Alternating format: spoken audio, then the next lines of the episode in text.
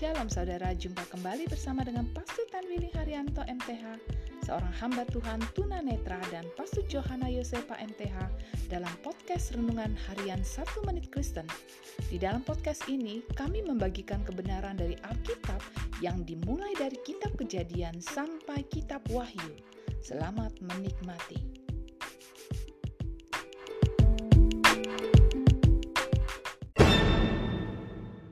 Salam saudara yang berharga di mata Tuhan, senang dapat jumpa dengan saudara. Hari ini firman Allah mau mengingatkan kita untuk tidak membandingkan keberhasilan kita dengan orang lain. Kekayaan Yakub membuat anak-anak Laban iri hati. Kadang-kadang sulit untuk bersuka cita ketika kita melihat orang lain lebih baik daripada kita. Membandingkan kesuksesan kita dengan orang lain adalah sangat bahaya dan akhirnya akan menghakimi kualitas hidup kita. Dengan membandingkan diri kita dengan orang lain akan memberikan kesempatan bertumbuhnya iri hati. Kita dapat menghindari iri hati dengan bersuka cita dalam kesuksesan orang lain.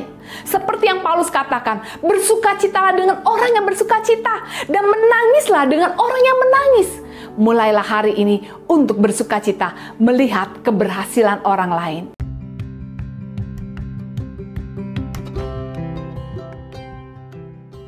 Terima kasih saudara telah mengikuti podcast Renungan Harian 1 Menit Kristen.